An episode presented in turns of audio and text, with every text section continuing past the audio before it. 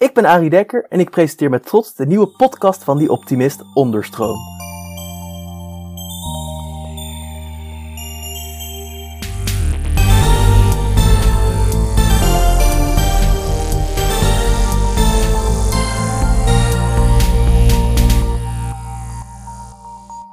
Hallo iedereen! Zoals altijd bieden wij om de week een podium aan mensen en ideeën die meer aandacht verdienen. Vandaag spreek ik Fenja Ellen Sepers over het door haar opgerichte platform DEA. Op het platform staat centraal de acceptatie van immens verlies en dat dat zorgt voor openingen. Nou, hallo Fenja. Het is uh, DEA is natuurlijk het uh, Noordse woord, nou natuurlijk, is het Noorse woord voor doodgaan. Wat natuurlijk Ja. mooi waar het over gaat samenvat. Maar eh, waarom deze Noorse inspiratie achter de naam? Ja, dat kwam eigenlijk zomaar op mijn pad terecht, dat woord. En ik vond het heel sprekend, omdat ik het wel.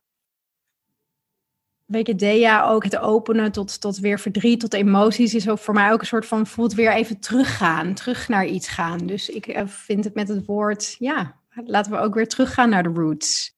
Dus het voelt wel heel kloppend. En daarbij vind ik het mooi is dat het het woord ook overstijgt eigenlijk een beetje onze talen. Dus het gaat weer echt helemaal terug naar die roots nog voor het Engels en voor het, voor het, voor het. Ja, dus ook weer even een soort eenheid of zo. Ja, en, en je zegt het nu inderdaad al een paar keer, het woord roots. Dat speelt dus duidelijk een belangrijke rol. Want wat bedoel je daar dan mee? Terug naar onze roots voor het Engels. Dat is wel eh, flink lang geleden. ja, precies. Nou, dat is misschien omdat ik het gevoel heb dat we in onze westerse maatschappij, waar we superveel fantastisch mooie dingen hebben ontwikkeld, zijn we ook een aantal dingen, ja, misschien verloren gegaan. En een van die dingen is toch wel een beetje het gevoel van tijd, ruimte, plaats maken voor dingen. Ja, en ik denk dat een van de de dingen die we dus niet zoveel doen, in ieder geval de Nederlandse cultuur, maar ik denk over zijn algemeen in, de westerse cultuur, is het plaatsmaken voor emoties of weet je, dat de dood een onlosmakelijk onderdeel van het leven is. We hebben natuurlijk met onze technologie, hebben we ja, ook de dood als een soort vijand zijn we die een beetje gaan beschouwen. Of iets dat niet zou moeten of wat we kunnen bestrijden. En enerzijds is het natuurlijk waar, maar anderzijds blijft het dat de dood hetgene is wat ons allemaal bindt. Een einde die ons allemaal te wachten staat. Ja. Dus het is, ja, proberen. Mijn, mijn, een van mijn doelen is wel een beetje die gedachtegoed eigenlijk. Dus dat is de roots, ja, weer terug te brengen. Ja, en waarom zijn we dat dan denk je kwijtgeraakt? Ik vind dat wel interessant, want dat is gebeurd. Je, zoals je zegt, onze roots zijn eigenlijk... Voor mij, ik las bijvoorbeeld ergens, even een beetje natuurlijk los... Maar uh, dat nog in de prehistorie, toen uh, werd, de, nou, werd het lichaam van dus een familielid gewoon in het huis begraven, toch? Dat was gewoon deel van je huis. En dat was dan dus Mm. bijvoorbeeld op die manier inderdaad. Waren we veel meer daarmee bezig. Maar over de jaren heen zijn we dat dan dus kwijtgeraakt. Ja, dus je zegt dus technologie speelt daar een rol in. Of in ieder geval, we hebben het tot een soort van nou, latere toekomst gemaakt. Niet dat we ons niks van hoeven aan te trekken. Maar er zit denk ik wel wat meer achter, toch? Um, ja, denk je? Wat houden daar nog meer dan, ja... Nou, nou, nou, ik had geschiedkundige denken bijvoorbeeld misschien dan meteen al dat het komt door... Dat dus vroeger bijvoorbeeld tijdens de pest werden lijken natuurlijk iets slechts. En dat we misschien op die manier, dus dat de lichamen misschien dus een ziektekiemen werden Ja. of zo. Maar dat is misschien nog tijd geweest. Maar, uh, Ja. en, eh, maar misschien is er ook iets van angst. Ik, ik vind namelijk, ik was daar wel naar geïnteresseerd. En ik dacht, als iemand dat weet, ben jij het. Nou ja, ja ik, eh, nou goed, ik heb ook niet alle perspectieven. Dus ik denk altijd hoe meer perspectieven, hoe integraler kunnen denken. Ja, ik denk inderdaad dat, dat waarschijnlijk heeft de hele praktische zaak, dus zoals bacteriën, daar een rol in gespeeld. Ja, maar toch heb ik ook het gevoel dat de machine daar ergens een bijdrage in heeft gedragen. Dus die machine van ja, waarin alles sneller moet, weet je. We zijn natuurlijk heel langzaam gegaan van een organische samenleving waarin we meer in de natuur leefden. En nou ja, toen kwam de klok, toen kwam de machine, dingen werden artificiëler, de ruimtes werden artificiëler, onze tijd werd mechanischer. En ik denk dat het hele stukje mechanische of die machine, ja, dat die daar ergens ook een rol in heeft gespeeld. En enerzijds is het natuurlijk ook technologie in de helingskunst, dus het beter maken, medicijnen. En misschien zelfs wel, nou ja, we natuurlijk hebben we in onze historie de hele grote heksen, de witch hunt, weet je. Er zijn natuurlijk heel veel ja, hoe zullen, we ze noemen? De Europese shamanen, of ik weet niet hoe je ze wil noemen, die natuurlijk nu in het buitenland heel erg in opkomst zijn. En die hebben we massaal uitgegroeid in onze samenleving. Dus misschien heeft dat er ook wel iets mee te maken. Who knows? Ja. Maar het is dus wel echt een modern probleem, hoor ik al heel erg, denk ik. Huh? Ja. Ik denk het wel. Ik vraag me af of, nou ja, of misschien niet. Ik, ja, ik, kan natuurlijk niet helemaal in de historie kijken, maar hebben we eh, ook bijvoorbeeld het hele make-uppen van lijken en het niet willen zien, is, is dat iets, ja, misschien is het niet iets nieuws, misschien wel, ik, ja, ik weet het niet. Wat grappig zeg.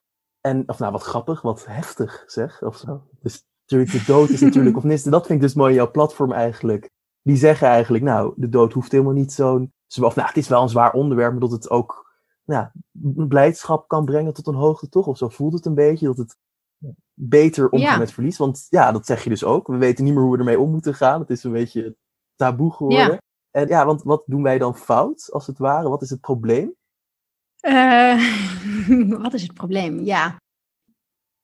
Ik denk dat we emoties, en misschien kunnen we emoties in zijn algeheel nemen, nou, maar zoals een van die emoties verdriet, of verlies, dat we dat heel erg als goed en fout hebben bestempeld. Dus we hebben al die emoties hebben we heel erg in hokjes geduwd. Van, oh ja, weet je, dat de blijdschap en succes en geluk, dat, dat hebben we tot hele grote hoogtes. Weet je, dat is hetgene waar we naar moeten streven. En eigenlijk die andere, dus die andere kant, nee, dat zijn alle slechte emoties. Die moeten we ontwijken. Ja, en ik denk dat we dat best wel in extreme mate hebben gedaan. Terwijl als we natuurlijk kijken naar het concept mens zijn, weet je, leven, wat is leven? Dus als je dat vraagt en dan naar emoties kijkt, van wat zijn levendige emoties, dan staan al die emoties eigenlijk even hoog op de schaal. Dus ja, ik denk dat dat labelen van goed en fout, dat we daar ergens misschien een verkeerde afslag hebben genomen. Of in ieder geval dat we kunnen kijken van, oh, kunnen we dat misschien allemaal weer omarmen? En kijken wat voor leven, of echt letterlijk levendigheid in aliveness, zoals het in het Engels zo mooi zeggen, kunnen we dat weer terugbrengen? Nou, ik denk dat je nu ook zelf een heel mooi bruggetje maakt naar wat Dea doet. Namelijk dus een vitaliserende plek over de dood. Ik vond dat een heel leuk nou, woordspelinkje dat je daar maakt. Dus ja, dus over de, oh, trouwens over de dood, verdriet en verlies. Ja, en dat moet dan dus gebeuren, zover ik het opmaakte, door dood te onderzoeken en te leren omarmen. Maar misschien dat je daar iets meer, wat, wat is het proces dat jouw website moet nou, gaan stimuleren, moet gaan bekrachtigen? Ja, ik hoop dat het op verschillende vlakken bijdraagt en ook nog meer gaat bijdragen. Want het is iets wat ik ben begonnen en ik hoop dat dat ja, zich verder gaat ontwikkelen. Ik geloof dat we dat ja, hoe kan je dat omarmen doen? Dat kun je in je binnenwereld doen, geloof ik, en in je buitenwereld. En in je binnenwereld kan je daar bijvoorbeeld, wat kan je daar vinden? Je kan boeken vinden, je kan bepaalde talks vinden, meditatie, contemplatie. Dus dingen die je echt laten nadenken en je ook uitnodigen om even de ruimte daaraan te geven. Dus kan ik letterlijk in plaats van, en dat is een heel volgens mij standaard niet als iemand, je kent het misschien wel, weet je, een familielid of een vriend of iemand gaat door een soort rouwproces heen en zeg je, kom, we gaan even dit doen, zodat je er niet aan hoeft te denken. Eigenlijk is het dus een beetje het omgedraaide van dat. Van, oh ja, kan ik dus uitnodigen, of in ieder geval mezelf, om ruimte te geven aan dat gevoel wat er nu is. Dus de dingen die ik daar deel, of die daar worden gecureerd of gedeeld, die staan ja, in dat teken. Maar er staan ook een aantal meer externe dingen, zoals een samenwerking met Carpet of Life, wat een heel mooi ja, designmerk is, wat kleden maakt uh, met je oude kleding. En voor Dea hebben we de samenwerking dat je een kleed kan maken van de kleding van je overleden geliefde. En eigenlijk begin je dat rouwproces al zelf door eerst die kleding door midden te knippen. En dan op te sturen. En dan komt het in een nieuwe vorm terug. Dus dat is voor mij ja, echt een soort ritualized co-design. Dat je dus echt iets kan doen in je buitenwereld, maar wat wel een soort ritueel is om die rouw en dat afscheid en dat einde te omarmen en ook weer een nieuw begin te geven. hoe is dat tot stand gekomen? Zeg, dat klinkt super natuurlijk. Dat je, of nou super, maar nogmaals, ik, ga, ik blijf positief, maar ik snap natuurlijk wel dat dit een gewichtig onderwerp is. Ja, dat mag je hoor. ja, eigenlijk beter met het hele onderwerp van waar jouw website over gaat. Maar hoe, hoe, is deze samenwerking tot stand gekomen? Dit klinkt natuurlijk, dit, ja, hier zou ik niet aan hebben gedacht, als het ware, als ik had gelezen over dat. Uh... Nee, nou, ik heb het ook niet verzonnen. Ik ben wel bij de oprichting van het merk geweest. Dus het is door een, een social design studio in Amsterdam gemaakt, waar ik heb gewerkt tien jaar geleden. Meer dan tien jaar geleden. En ik heb destijds, voordat ik Nederland verliet, ik ben een tijd gaan reizen eh, met mijn grote liefde die ik daarna heb verloren. En eigenlijk voordat ik dat ging doen, heb ik van mijn oude kleding heb ik een kleed laten maken. Ja, en dat merk, dat, dat is heel, weet je, dat heeft zich langzaam ontwikkeld. En eigenlijk nu dacht ik, wauw, het is prachtig om dat met de kleding van je overledene te doen. Omdat ik ook om me heen zie dat veel mensen, weet je, het is een hele grote vraag. Iemand overlijdt, wat doe ik met die kleding? Oh, dat, die trui. Oh, dat jasje. Oh, ja, ja, vind ik echt eigenlijk heel zonde om weg te gooien. Moet ik dat zo in die bak gooien? En waar gaat het dan heen? Nou goed, dat zijn een beetje de vragen. Dus dat kwam eigenlijk zo heel natuurlijk samen. Ja, en ik denk dat het misschien ook... Het past natuurlijk heel mooi bij jullie boodschap eigenlijk. Dat je dus niet het moet wegstoppen. Maar dat je het vrijwel letterlijk als kleed in je huiskamer neerlegt. Ja, dat is natuurlijk ook heel Precies, je knipt het eerst door. Ja, je maakt er eerst eigenlijk weer een einde aan en dan geef je het weer nieuw leven. Ja, ja. Ja, en dus, ja, dus maak er een eind aan, geef het nieuw leven. Maar natuurlijk vind ik dan nog steeds wel een unieke aanpak om voor een website te gaan. Want je zou bijvoorbeeld ook een call-line hebben kunnen maken. Ga zo maar door. Hoe, hoe dan, om het echt zeg maar zo'n digitaal platform te maken, hoe komt dat tot stand? Nou, omdat toen ik zelf door mijn rouwproces heen ging, verbaasde ik me eigenlijk daarover. Want ik heb heel veel gehad aan bepaalde eh, video's of meditaties of dingen of boeken. En ik vroeg me af, waarom is er niet een online ruimte waar dit allemaal bij elkaar staat? Waar ik dus naartoe kan gaan en echt even tot bezinning kan komen. Dus ik vroeg me af waarom dat er niet was. En nou ja, daarom maar zelf maken. ja, en, en jullie hebben natuurlijk wel ook echt een heel nou, unieke stempel. Ik bedoel, het is geen Facebook-kloon als het ware. Het is echt wel, nou, het is mooi vormgegeven. Dus daar complimenten voor sowieso. Mm. Jullie hebben echt een eigen stijl. Ik, ik, nu ik aan Dea denk, dan zie ik echt wel iets voor me. Hoe kwam dat dan tot stand? Ben jij zelf daarin ervaren of heb je iemand anders dat laten doen? Hoe?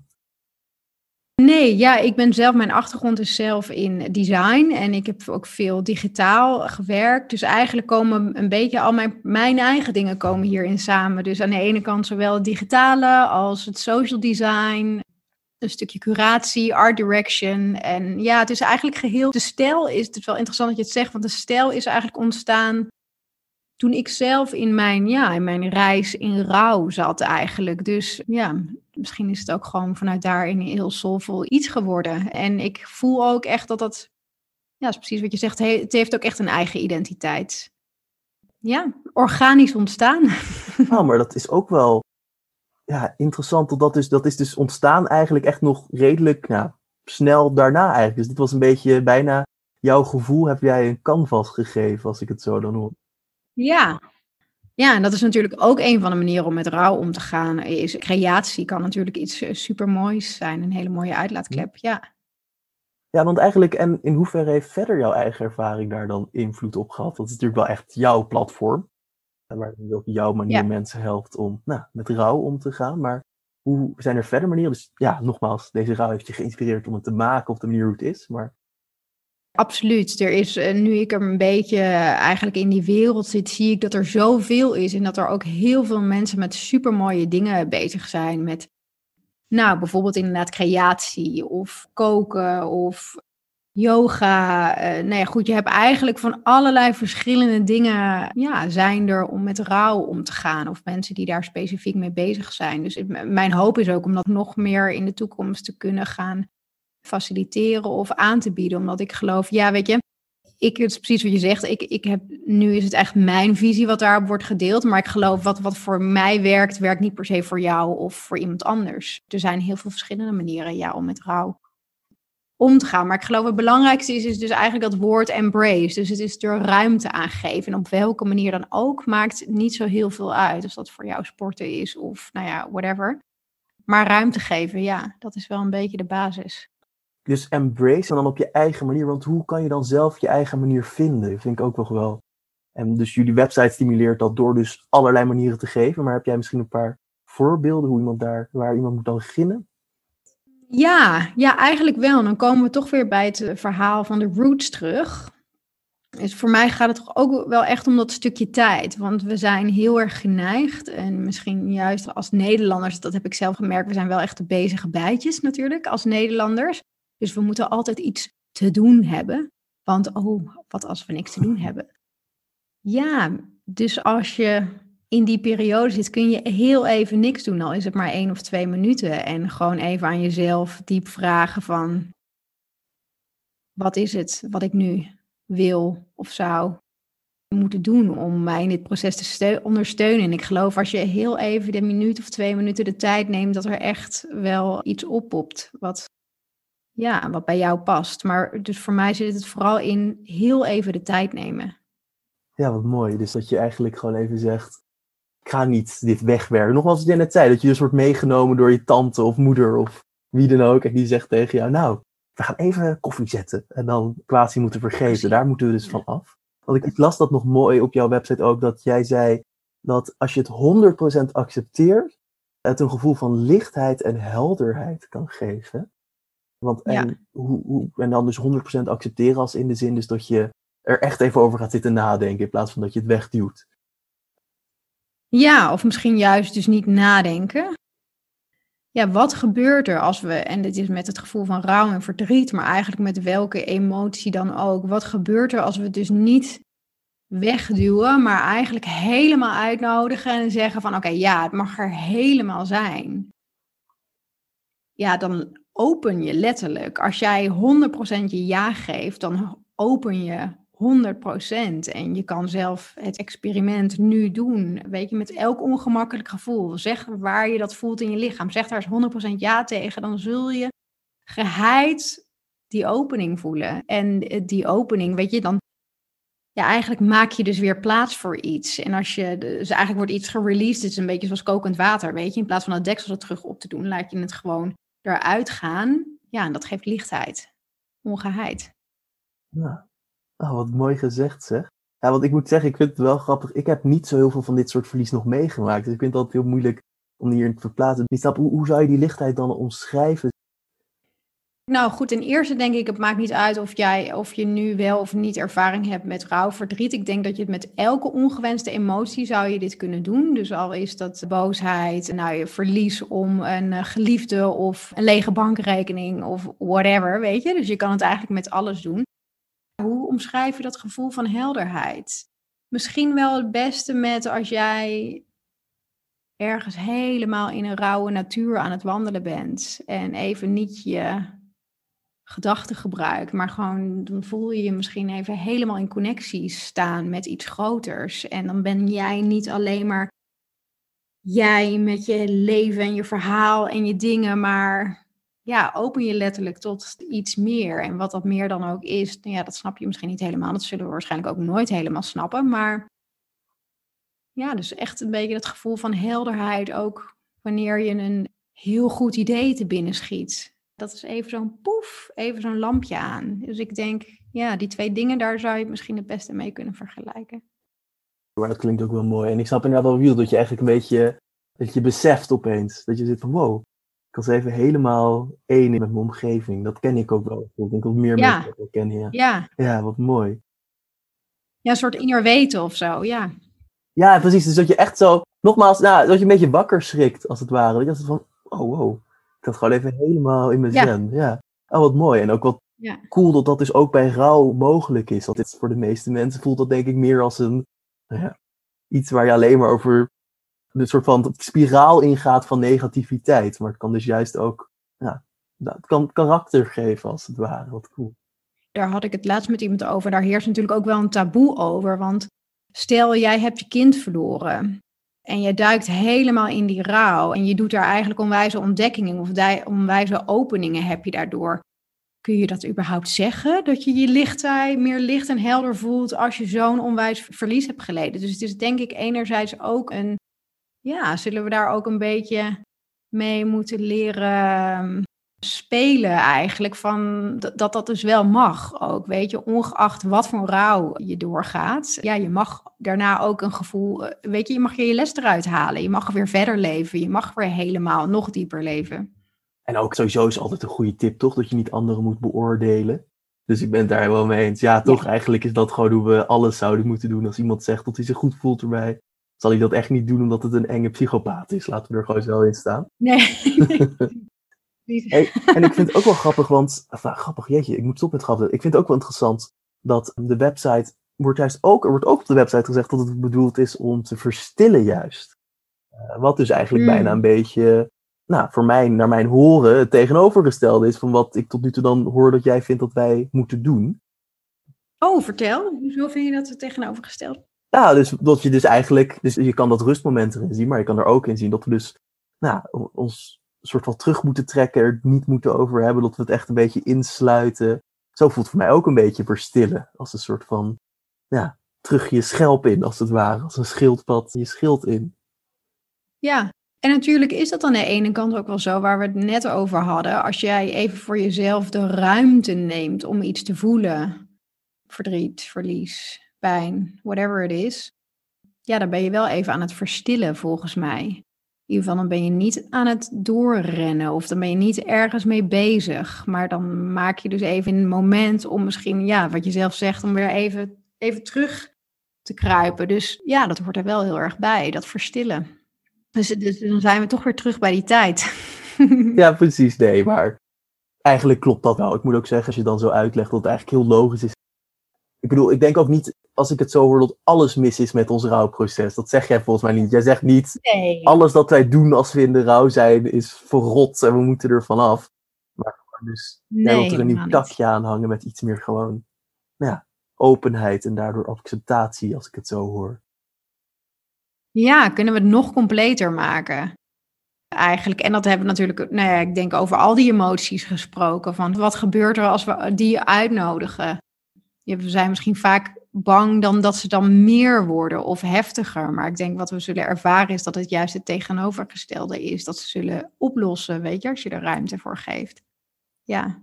Dus nee, ik denk niet dat er heel veel mis is. Ik denk juist ook in Nederland dat er superveel openheid is. En ruimte om dat helemaal op je eigen manier te doen. En dat is super mooi, weet je. Dus ik, ja.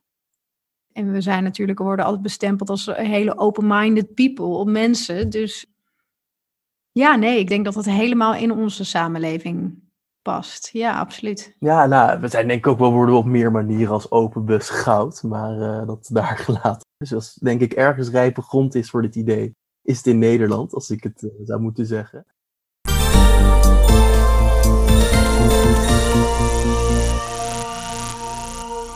Hey, want ik vind dat misschien sowieso wel mooi. Ja, Ja, zijn er sowieso dan dus positieve, heb ik het maar, zo heb ik het maar genoemd, positieve bij een rouwervaring? Wat, wat, jij bent natuurlijk zelf door echt een hele nou, heftige rouwervaring gegaan, lijkt me. Ik kan me niet voorstellen dat het wat makkelijk was. En dat zelfs dus heeft geleid tot echt een, Ja. dit platform opzetten. Dus jij hebt er echt iets fysieks van gemaakt.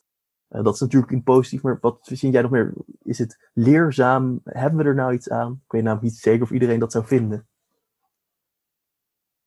Ja, absoluut. Ik ben in de laatste jaren wel echt met meerdere mensen in contact gekomen die datzelfde hebben ervaren. En dus ook mensen die hun kind hebben verloren. En ja, die daar gewoon echt een levendig, letterlijk levendigheid uit hebben gehaald. En dat betekent niet dat we niet op ieder moment wat er is gebeurd ongedaan zouden willen maken. Want dat zouden we allemaal, weet je, we zouden allemaal, oké, meteen dat terugruilen voor die persoon die we verloren hebben. Maar ja, ik heb dat wel echt in, niet alleen in Nederland, maar ook in het buitenland bij verschillende mensen gezien. En ik denk ook, ik weet niet of jij dat ook voelt, maar er is wel een ding met dood aan de hand. Of ik zie het meer, ik lees het meer. Dus ik heb het gevoel dat we, ja, dat, ik ben zeker niet de enige. Ja, we zijn er dus misschien ook wel echt klaar voor met z'n allen om die, om die sprong in het diepe te maken. Want het is wel echt letterlijk een sprong in het diepe. Ja, zeker. Ja, en ik vind dat ook wel wat. Dus we zijn er echt klaar voor. Maar dat vind ik goed om te horen. Ik ben blij dat dat is, zo is. Dat dit ook echt kan gaan werken. Want hoe zou dan voor jou, ik vind dat altijd een leuke vraag om te stellen. Stel, dit is een ideale wereld. Dus laten we zeggen 60 jaar in de toekomst. Hoe zou dan volgens jou zeggen, wat is jouw ideale versie van zo'n rouwproces dan?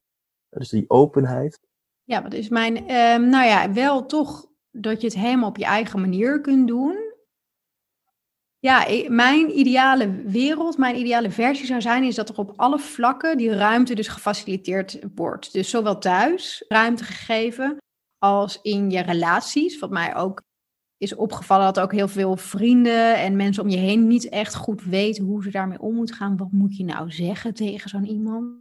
Ja, dus die ruimte geven, maar ook op werk. Ik geloof ook dat werkgevers, en dat is ook in dat gesprek is gaande, dat bestaat al.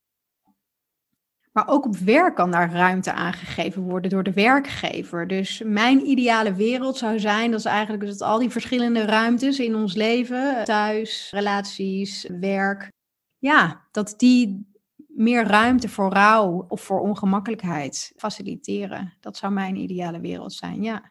En daar gaat dus jouw idee gaat daarbij helpen dus eigenlijk. Het idee daarachter is eigenlijk om dit al een beetje te laten zien. Ja, absoluut. Ja, en ik ben niet de enige die ook schrijft. Dus in Trendwatcher schrijft Stephanie Schielmuller op de site. En zij bespreekt ook meer dit soort dingen. Dus inderdaad vanuit trends vanuit de samenleving, maar ook op het gebied van werk. Er is een begrafenisonderneemster die schrijft hierover en die is eigenlijk heel erg bezig. Dus dan is Duivenstein met hoe zij ja, in de hele wereld van begraven, crematie, daar dus een nieuwe ruimte aan kan geven. Een soort openheid, transparantie. Dus ik geloof dat eigenlijk allerlei mensen op verschillende gebieden daar zo'n beetje mee bezig zijn. Ja, en ik vind dat ook wat interessant, want je hebt dus heel verschillende mensen laat je aan het woord, wat zeker iets goeds is als je het mij vraagt, want zo inderdaad bereik je het grootste publiek. Maar hoe komen deze mensen, hoe kom je in contact met deze mensen? Hoe, hoe sowieso, nou, wat voor eisen stel je aan de content die jullie plaatsen? Ja, dus de eis die ik dat omarmen, dus dat ruimte geven aan rouw op welke manier dan ook, dat is eigenlijk de, een beetje de baseline. Dus daar probeer ik alles tegen af te zetten. Ja, en zo komen, ja, hoe gaat het in het leven? Hoe komen de mensen op je pad? dus ze komen, je leest er wat, dan kom je weer in contact met die. En ja, tegenwoordig is social media is natuurlijk onze grootste vijand en onze grootste vriend. Want er worden ook, weet je, super mooie contacten maken we daar. In ieder geval, ik maak daar heel veel mooie contacten op. Dus dat is heel organisch eigenlijk, eh, ontstaat dat. Ja, met zowel mensen in Nederland ook als in het buitenland. In Amerika wordt al heel veel gedaan met rouw. Ik heb het gevoel dat het daar alweer meer in gesprek is. Ja. ja, je hebt ook wel vaker dat Amerika natuurlijk een beetje voorloopt in onze trends. Dus dat kan natuurlijk heel goed als we dit al nu al aanvoelen in Nederland, dat in Amerika nou, een origine heeft gehad. Het hoeft niet alleen maar slecht te zijn dat van Amerika komt ja. natuurlijk. Ja, precies. Je hebt rouwdoula's. In de death doula heet het in het Engels. En dat is dus iemand eigenlijk die je begeleidt in, op het moment dat je doodgaat of in jouw rouwproces. Dat kan eigenlijk allebei. En in Nederland hebben we daar nu nog maar een paar van, terwijl dat in Amerika al een veel grotere groep is. Dat vind ik wel ook wel. Jullie content is opgedeeld in meerdere onderwerpen. Sommige zijn wat vanzelfsprekender, andere vind ik interessant om daar iets specifieker nu op in te gaan nog. Want bijvoorbeeld, je hebt eentje dat is Onze Weg naar de Dood, zoals dus een rouwdoula. Hoe zie jij, hoe, wat is jouw visie daarop? Zou je weten wat ik bedoel? Ja, op weg naar de dood. Ja, dat is natuurlijk een heel moeilijk onderwerp, want dat, dan kom je ook heel erg in geloofstructuren. Dus ja, misschien is een startpunt al, wat geloof je? Wat gebeurt er na de dood? Of gebeurt er helemaal niks na de dood? Ja, ik denk dat we er wel, in ieder geval op DEA wordt er wel van uitgegaan, oké, er is iets tussen hemel en aarde, maar wat het nou is, weet je, dat weten we niet. Dus ik denk ook dat onderwerp op weg naar de dood op de site heel erg uitnodigt om dat te onderzoeken. En ik denk als jij op weg bent naar de dood, en dat misschien al ben je zelf op weg naar de dood, dus je komt te overlijden of iemand dicht bij jou, ja, ook die uitnodigingen, of je dat dus als een soort reis kan ervaren of weer kan omarmen om dat te onderzoeken. Ja, wat is eigenlijk die weg die je aan het bewandelen bent? Want ik denk toch en het is natuurlijk heel moeilijk om te accepteren. Weet je, als je, als je doodgaat, en dat weet ik zelf ook op jonge leeftijd, waar iemand dichtbij je, ja, om dat te accepteren op dat moment, ja, dat is de grootste uitdaging. Maar misschien daarna kun je ja, dat toch onderzoeken van, ja, wat was dat nou en wat is, wat is er nou gebeurd op weg naar de dood? Ja, dus ook een beetje inderdaad weer waar jij het over had, dat wij dus het een taboe hebben gemaakt dat de dood daar is. En eigenlijk wat dit onderwerp dus dan aansnijdt, is juist, nou, hé, hey, we gaan er toch wel heen. Accepteer dat nou en maak daar je les van. Dat hoeft echt niet terwijl je oma of opa, vader of moeder op een stervensbed ligt. Dat snapt iedereen hopelijk wel. Maar daarna of ver daarvoor. Dat je, ja, we moeten ons dus eigenlijk denk ik ook, wat jij zegt, dat klinkt misschien een beetje agressief, maar dat is niet zo bedoeld, gaan legeren tegen de dood. En dus niet zoals we het nu hebben gedaan door een muur ervoor te zetten. Maar juist door dus al het voorbereid te zijn. Kijk, Ja, dit zit in mijn toekomst. Hoe ik het breng over keer. Mijn hond, die heeft dat ook in zijn Ja. toekomst. Mijn kast, die gaat een keer instorten. En dan is hij eigenlijk ook een beetje dood. Dat soort dingen. En jullie zeggen dus juist, nou, neem dat nou tot je. Laat dat niet een, een eng iets zijn. En, ja, ja, ik vind dat helemaal geen heel slecht idee. Ja. niet te ver door. Ja, en in sommige culturen doen ze dat al. Bijvoorbeeld in de Mexicaanse cultuur heb je Dia de los Muertos heet het, dus de dag van de doden, wat wij als allerzielen kennen. Maar daar wordt het gewoon echt gevierd, weet je. Dus daar in kleuren en geuren met dans en muziek en eten vier je dus de, de dag van de doden. Kinderen eigenlijk een beetje hoe wij Sinterklaas gedichtjes schrijven. Met een beetje een grappige connotatie schrijven kinderen in Mexico al hoe de dood hun ooit komt halen. Dus jij schrijft dan een grappig gedichtje van, oh nou als de dood mij ooit komt halen. Dus eigenlijk dat je bedenkt, oh ja, als wij dat al in onze samenleving zouden brengen, ook al het gesprek met kinderen. Oh ja, op een dag gaan we dood. In Mexico weet je bijvoorbeeld ook al in welk graf je komt te liggen bij je familie. Dus je hebt al zoiets oh ja, daar ga ik heen. Dus als ik straks dood ga. Dus dat is al een veel, ja, veel lichter eigenlijk. Veel relaxter lijkt mij ook om. Bij ons is het toch een beetje het grote onwetende, weet je, wat we ja, dat niet kennen. Ja, een pijnplek. Ik had daar laatst trouwens, want dat is inderdaad dat is natuurlijk een heel goed voorbeeld, Mexico. Heb je Coco gezien, die film? Nou, nee, nee, ik heb hem niet, niet zelf gezien. Nee, maar ik, ja, iedereen zegt, kijk, Coco, ja. Nou, op zich, het is zeker gewoon interessant om meer hierover te weten. Je hebt bijvoorbeeld ook de Book of Life, dat gaat er ook over. Wat ik eigenlijk heel mooi vind daaraan, en dat ik had toevallig, dit is even een klein beetje off topic, maar misschien nog wel mooi met de dood. Ik had laatst een gesprek met mijn moeder hierover. En ik had het eigenlijk wel over van, nou, ik zou het, hoop dat jij nog wel lang blijft leven, moeder. Want, nou, dat is natuurlijk rottig. Dus echt inderdaad Hmm. helemaal eigenlijk dus die verkeerde kant uit. Dat ik dus echt zo zat van, nou, ik wil er een muurtje voor. Ik, eh, ga, ik wil jou nog niet kwijt. Dus zijn moeder, dat vind ik wel mooi, die zei eigenlijk over haar eigen moeder. Ja, maar je raakt iemand niet per se kwijt als ze doodgaan. Zo moet je het ook gewoon zien. Want als ik gewoon nu Hmm. mijn leven leid, denk, voel ik steeds een soort van die beschermende hand van mijn moeder, wij noemen haar Oemi, op mijn schouder. En ik denk dat dat Hmm. ook wel een beetje, toch ook wel een beetje past binnen jullie filosofie. Absoluut. Ja, ik vind dat helemaal niet omgedraaid en ook helemaal niet off-topic eigenlijk. Want wat we ook geloven, wat er gebeurt na de dood. Kijk, de liefde of de relatie die je had, die blijft voor altijd voortbestaan. Het is niet dat daar een einde aan komt. Dus daar weet je, daar zit geen eindigheid aan. En wat als je dat inderdaad blijft koesteren, bij je blijft houden. Ja, dan draai je toch. Ja, dat draai je toch om. Dus misschien hebben we het ook wel echt over een stukje. wat misschien in onze westerse samenleving ja, dat vergankelijkheid, daar zijn we niet helemaal Ja. comfortabel mee. Toch? Weet je, we willen eigenlijk het liefst dat, dat liefst alles voor altijd bestaat. Maar wat als we nou inderdaad het helemaal omdraaien, dat dat dus niet zo is wat jij zegt. Mijn kast zal niet forever blijven. En ja, zo ook mijn hond niet en de mensen om me heen niet. Ja, precies. En ik vind dat een hele goede manier om te leven. Dat doen dus bij de Mexicaanse Day of the Dead doen ze dat ook heel erg. Daarbij is het heel erg. Dat je wel dus je voorouders moet blijven vereren, maar tot dan daardoor zij dus gewoon nou, een gelukkig leven leiden. In, voor mij was het the land of the light of the land of the day. Maar in ieder geval dus daar gewoon nou, gelukkig voortbestaan. Nou, dat vind ik heel mooi. Dus dat is ook inderdaad veel beter om ermee om te gaan. En dat vind ik Ja. ook wel dan interessant. Want ja, jullie zeggen dus, jullie gaan er dus eigenlijk vanuit dat er waarschijnlijk wel iets is. Is dat cruciaal, vind jij, om dood op deze manier te verwerken? Kan iemand die zegt, nou, als we doodgaan, wordt het gewoon zwart en dan is het klaar. Kan die ook deze acceptatie vinden? Wat denk jij? Ja, absoluut, absoluut. Ik denk, mijn oma is bijvoorbeeld net overleden en die gelooft in niks daarna. Die is wel overleden toen ze oud was, dus, dus haar leven was tot een mooi rond einde. Maar ja, kan jij in dat einde, kun jij accepteren dat dat het einde is? En kunnen de mensen om jou heen dat ook accepteren? Dus dat heeft niet te veel te maken natuurlijk met leef je voort of niet. Maar kun je dus de vergankelijkheid van het leven, kun je dat accepteren? Ah, wat mooi zeg. Oh, dat vind ik nog een extra dimensie aan dit alles geven. Dat het dus eigenlijk er niet om gaat. Kan je accepteren dat dus, nou, nogmaals, voor sommige mensen is dat ze denken dat, nou, het wordt zwart en dan ben je klaar. Maar meer, ja, kan je daarmee omgaan? Kan je dat, ben je daar gelukkig om? Of iets in die richting meer? Dus dat je echt gewoon zit van, nou, ik vind het dus niet erg dat alles zwart wordt als het ware. Ja, In plaats van dat je dus inderdaad zo zit van, alles wordt zwart. Oh nee, ik moet dus ja, ja, 60 ja. jaar blijven leven. Nee, ja, nou, als dat gebeurt, ga er 100% voor. Ja, absoluut. En ik denk ook natuurlijk dat we zeggen, nou ja, mensen jong zouden niet moeten sterven en kinderen zouden niet moeten sterven. En nee, tuurlijk, absoluut. Liever niet. Maar dat is in de hele story is dat gebeurd. En ik geloof ook dat dat zal blijven gebeuren. Ik geloof niet dat over 100 jaar kinderen niet meer sterven of mensen in de 40 of 50 of 30 niet. Dus ja, dat hoort ook bij de vergankelijkheid van het leven en bij het ritme van het leven.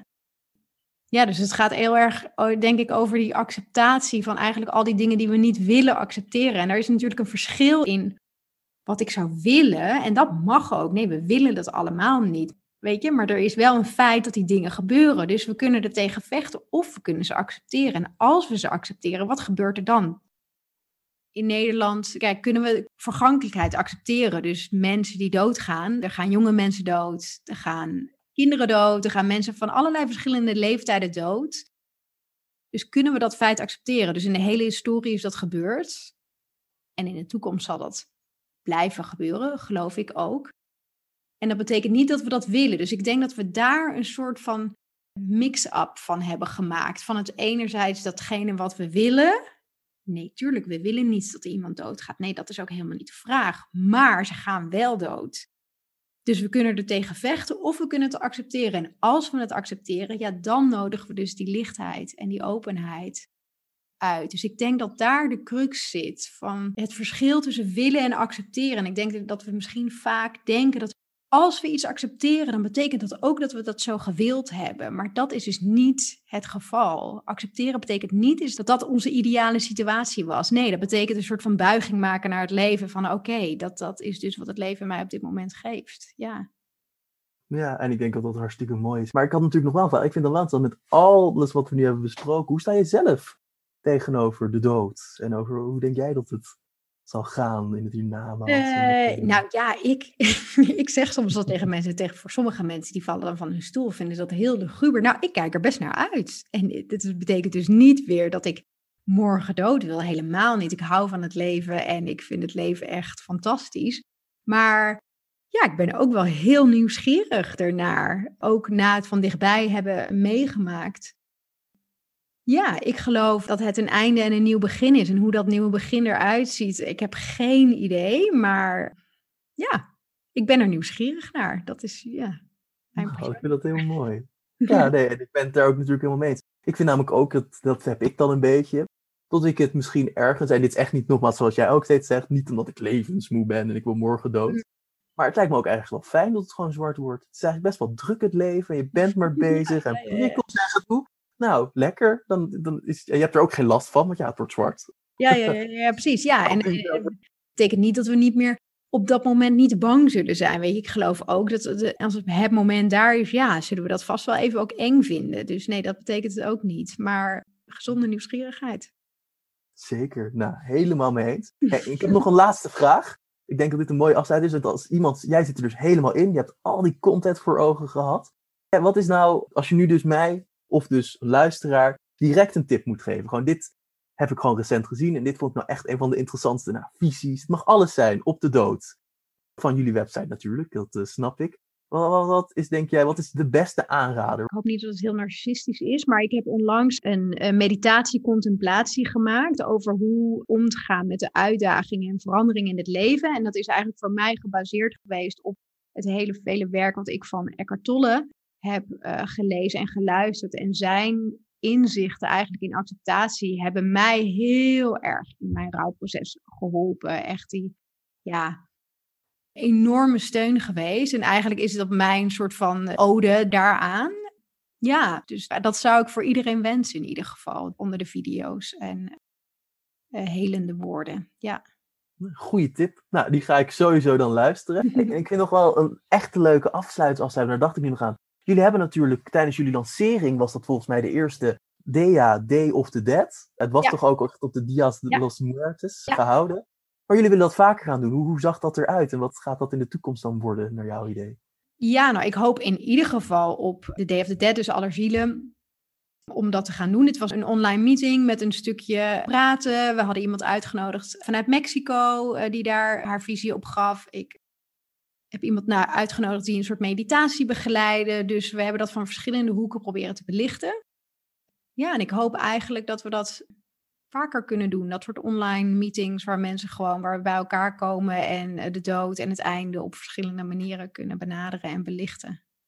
Ja, nou dat lijkt heel mooi. En dus eigenlijk gewoon gelijke zielen vinden en daarmee jullie visie delen. Als het ja, ja, absoluut, absoluut. Ja, en daarom hoop ik ook heel erg op samenwerkingen, want het hebben van een platform, weet je, het is heel veel werk. Dus ja, alle samenwerkingen zijn ook meer dan welkom. Dus met meer weten we meer. Ja, nee, dat is natuurlijk, dat snap ik ook wel. Nou, super mooi. Nou, echt heel erg bedankt. Ik vond het super interessant. Ik vind het namelijk ook heel cool om natuurlijk over nou, zo'n toch zwaar onderwerp, gewoon bijna nou, luchtig nogmaals, overdreven, maar nou, gewoon te praten alsof het. Ik zag nou, jou met een glimlach zitten, dus. Ja, maar ik, ja, ook, maar ik vind dit gewoon zo leuk om te doen dat ik ook niet het kan laten als het ware.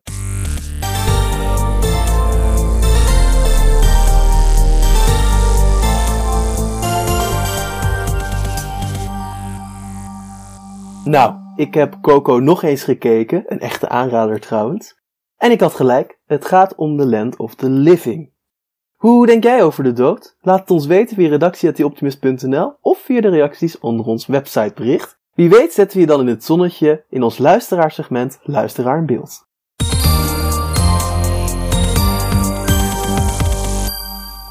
Deze week zetten we Frank Peters in het zonnetje. Hij vertelt over de mogelijkheden na corona. Waar ik vooral op hoop is dat we niet de lessen uit het oog verliezen die we tijdens de coronaperiode hebben opgedaan. Ik heb als geen ander ervaren hoe belangrijk menselijk contact is en zal dit besef na corona, als er een na corona komt, zeker niet meer verwaarlozen. Mooi gezegd Frank, helemaal mee eens. Dit was dan alweer onze 21ste podcast. De tijd is voorbij gevlogen. Ik wil iedereen die luistert heel erg bedanken voor hun support en natuurlijk ook voor de leuke reacties elke week. Als dit de eerste podcast is die je van ons hoort, kan je via onze website, Spotify of welke plek je dan ook graag podcast luistert, de hele podcast over Restory luisteren, waar dit een reactie op was. In deze podcast vertelt Geert de Grande dat wij op een economisch en sociaal kruispunt staan en hoe het aan jou is om de richting te bepalen. Ook zouden we het waarderen als je een positieve review achterlaat op Apple Podcasts. We zijn er over twee weken weer, maar in de tussentijd hoef je natuurlijk niet met je duimen te gaan zitten draaien. Zo kan je het nieuwste nummer van die Optimist 197 lezen met als thema femininiteit. Hoe belangrijk zijn deze vrouwelijke eigenschappen? En in hoeverre zijn ze te linken aan de vrouw? Unieke stemmen, zoals die van Qatar Harmonie en Daphne Laan, delen een visie op het onderwerp. Als laatste wil ik ook nog Anouk Wolf bedanken voor het maken van de muziek van deze podcast.